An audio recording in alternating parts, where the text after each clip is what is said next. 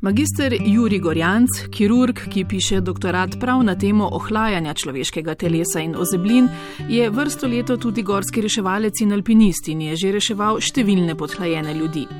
Temperature telesa na terenu, kjer podhlajene ljudi največkrat najdejo, ne morejo natančno izmeriti niti zdravniki, sploh ne z običajnim termometrom, zato pri določanju stopnje podhladitve najbolj pomagajo drugi telesni znaki. Mi moramo znati predvsem iz tega, kako se bolnik vede, oceniti, kakšna je njegova temperatura. Zdaj, nekdo, ki bo izpostavljen mrazu več ur in bo še drgetal, ima temperaturo nekje med 35 stopinj Celzija in uh, eh, 32 stopinj Celzija, pod 32 stopinj Celzija jedra telesa, telo neha drgetati.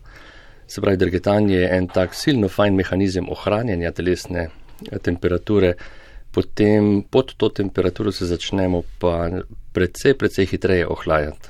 Pri ohlajanju telo ubere strategijo, pri kateri ogrevanje zracionalizira in se trudi ohranjati toploto predvsem pri jedru, torej pri organih, ki skrbijo za prekrvavitev možganov. Udje in koža, ki v tem primeru štejejo za lupino telesa, namreč dolgotrajno podhladitev prenašajo veliko lažje. Pomembno je vedeti, da zelo nizke temperature zraka za podhladitev sploh niso pogoj. Ljudje lahko od podhladitve umrejo tudi pri temperaturah precej nad ničlo, celo v neogrevanih stanovanjih. Bolj pomembno od same temperature zraka je, v kakšnem stanju je telo, ki se z mrzlim zrakom bori. Najhuje je, ko gre za kronične bolnike, poškodovance ali ljudi pod vplivom alkohola ali drugih substanc. Posebej občutljivi pa so starostniki in dojenčki. Dojenčki, otroci so zelo občutljivi na spremembe temperature. Vemo, poleti, če je vroče v avto, kako hitro otrok pride v fazo, z katere ni več povratka in pri mrazu je enako. Ne? Razmerje med površino telesa in prostornino telesa pri otroku je nesorazmerno in zelo hitro odreagira na temperaturne držlaje, se pravi, hitro se odhladi in pregreje. Pri starostniku je enako, ampak tu zaradi nižjega metabolizma, tako da to so veliko rizične skupine. Pri zdravih in nepoškodovanih ljudeh pa je podhladitev v bistvu za telo veliko znosnejše stanje, kot je pregrevanje. Medtem ko nas že za nekaj stopinj povišana telesna temperatura lahko ubije, telo dokazano zmore preživeti padec temperature jedra pod 14 stopinj Celzija. Še več, podhladitev, predvsem nagla, lahko celo poveča možnost za preživetje. Podhladitev na nek način, kljub temu, da ogroža zdravje, je zaščitna, protektivna na preživetje, ga podaljša. Zato, kadar se zdravniki srečamo s podhlajencem, je naša prva naloga, da ga obravnavamo kot potencijalno živega, tudi če ne kaže znakov življenja, ga ogrevamo, oživljamo in um, zdaj se boste čudili temu izrazu, ki ga bom rekel, uh, nihče ni mrtev, dokler ni topo in mrtev. Skratka, računamo z vsako možnostjo minimalno, da še v njem tli življenje kar je denimo zelo drugače, kot je v primeru, če srce neha delati ob običajni temperaturi telesa. Takrat je lahko usodna vsaka izgubljena minuta, ko človeka ne oživljamo, podhladitev pa radodarno dodeljuje dodatne manevrske minute. Tudi če srce ne dela več, so možgani lahko še zelo pri sebi v tem posebnem primeru, kajti možgani potrebujejo, potem ko so podhlajeni reciva na 15 stopinj, zelo malo kisika, da preživijo, in v takem stanju lahko morda več kot pol ure brez delovanja srca preživijo brez posledic. Če mi v tej pol ure ali pa po tem času zagotavljamo oživljanje, masažo srca, umetno dihanje, potem lahko takega človeka ohranimo pri življenju. Pri pacu telesne temperature za eno stopinjo Celzija se poraba kisika zmanjša za približno 6 odstotkov, kar pomeni, da telo podhlajeno na 22 stopinj Celzija potrebuje 75 odstotkov kisika manj kot običajno. Možgani pa so pri tem desetkrat bolje zaščiteni pred posledicami pomankanja kisika.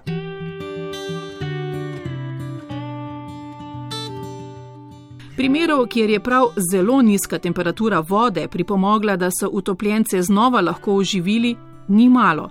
Eden najbolj ekstremnih in najbolj dokumentiranih pa je primer švedske zdravnice Anne Bogenholm, ki je med smučanjem padla v zaledeneli hudourniški potok in preživela podhladitev svojega telesa na 13,7 stopinj. Prvih 40 minut je kljub podhladitvi uspelo ostati pri zavesti in dihati v zračnem žepu, ki se je ustvaril pod debelim ledom.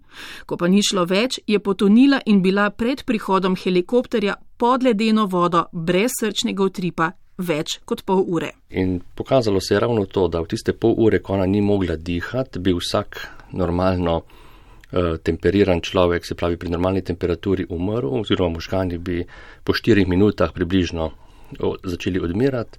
Pri njej so pa bili na nek način konzervirani s to nizko temperaturo kot v hladilniku in so preživeli kljub temu, da niso dobili kisika. In je preživela danes, kolikor sem bral potem članek, čuti še določene mravljince v rokah kot posledica minimalne okvare živcev, ampak celo dela kot uh, radiologinja.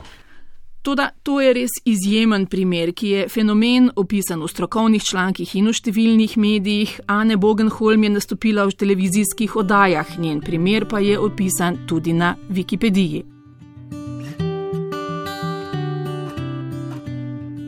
Čeprav se seveda lahko izteče tudi tako srečno, pa je podhladitev predvsem resno zdravstveno stanje, ki se pogosto konča usodno ali pa pusti na človeku resne nevrološke posledice. Tudi pri nas imamo zgodbe s srečnim koncem.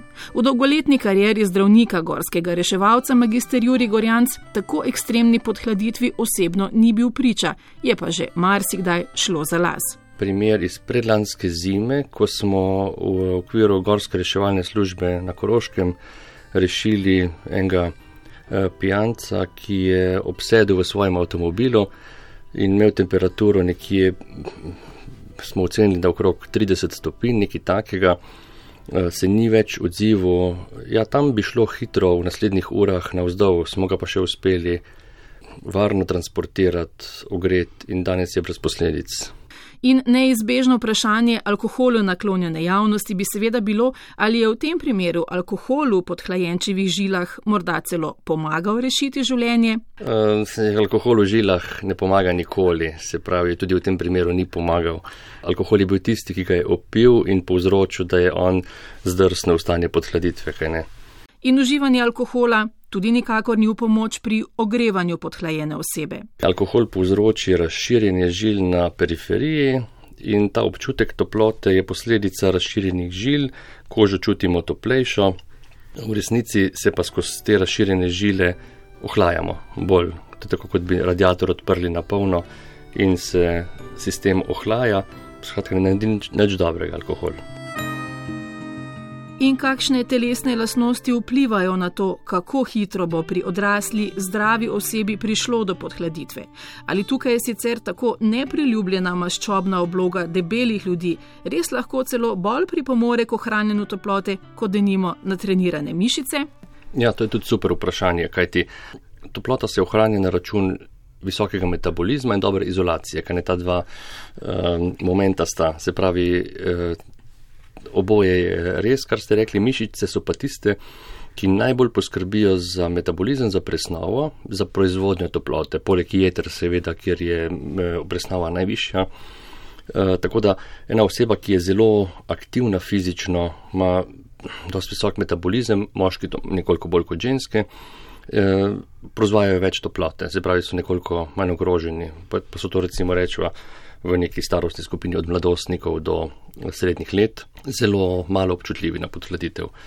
Potem pa seveda tudi zaščita, ja, izolacija igra kar precejšno vlogo.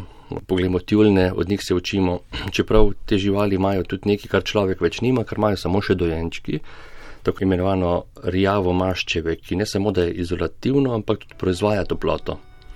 Um, se pravi, to, ta organ počasi izumira pri ljudeh, ampak pri dojenčkih je pa še ostal, potem pa tudi izgine. In kako ravnamo, če najdemo podhlajeno osebo? Predvsem se najprej spomnimo na danes že slišan na svet, da za nikogar ne moremo vedeti, ali je res mrtev, dokler ni topel in mrtev.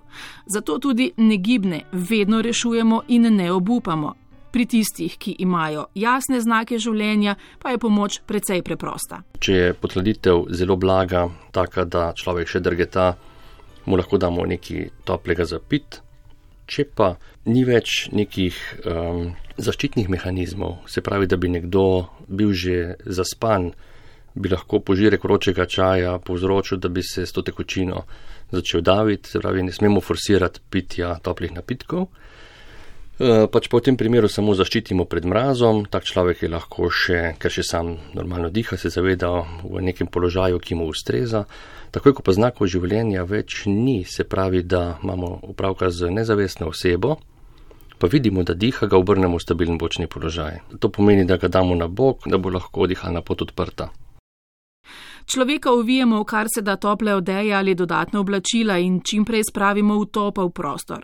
Zelo v pomoč je tudi posebna folija, ki bi morala biti del obvezne planinske opreme in ki zelo učinkovito preprečuje nadaljne izgubljanje toplote iz telesa. Mislim, da je zdaj že v kompletu prve pomoči v avtomobilih, um, medtem ko S poskusi na inštitutu Jožef Štefan smo ugotovili, da ni nujno, da je to ta astronautska folija, ki je danes res zelo poceni že. Eh, prednosti te folije so ravno, da je tudi zelo čvrsta, da lahko s to folijo tudi prenesemo nekoga za nekaj metrov. Zadostuje recimo velika črna vreča za smeti. Če mi nekoga ovijemo, ko je mokr v to, bomo preprečili izparevanje in že nadaljno izgubo toplote. Je že veliko. Dejstvo je, da premočen človek se 23 krat hitreje ohlaja kot suh, to je pač toplotna prevodnost vode in je to gre zelo hitro. No, podaril bi pa nekaj, da ko imamo pa opravka z nekom, ki ne kaže znakov življenja in ne diha, se pravi jasno, ne zaznamo znakov življenja, pa se lotimo oživljanja.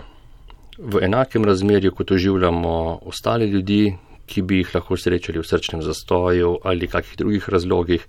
Skratka, masiramo srce v razmerju 30 proti 2, približno 100 krat na minuto, se pravi, dokaj hitro oživljamo, kar pri podhlajencu ni čisto preprosto, ker je bolj tok, trd, ampak mu zadošča, da ohranja prekrvnost možganov.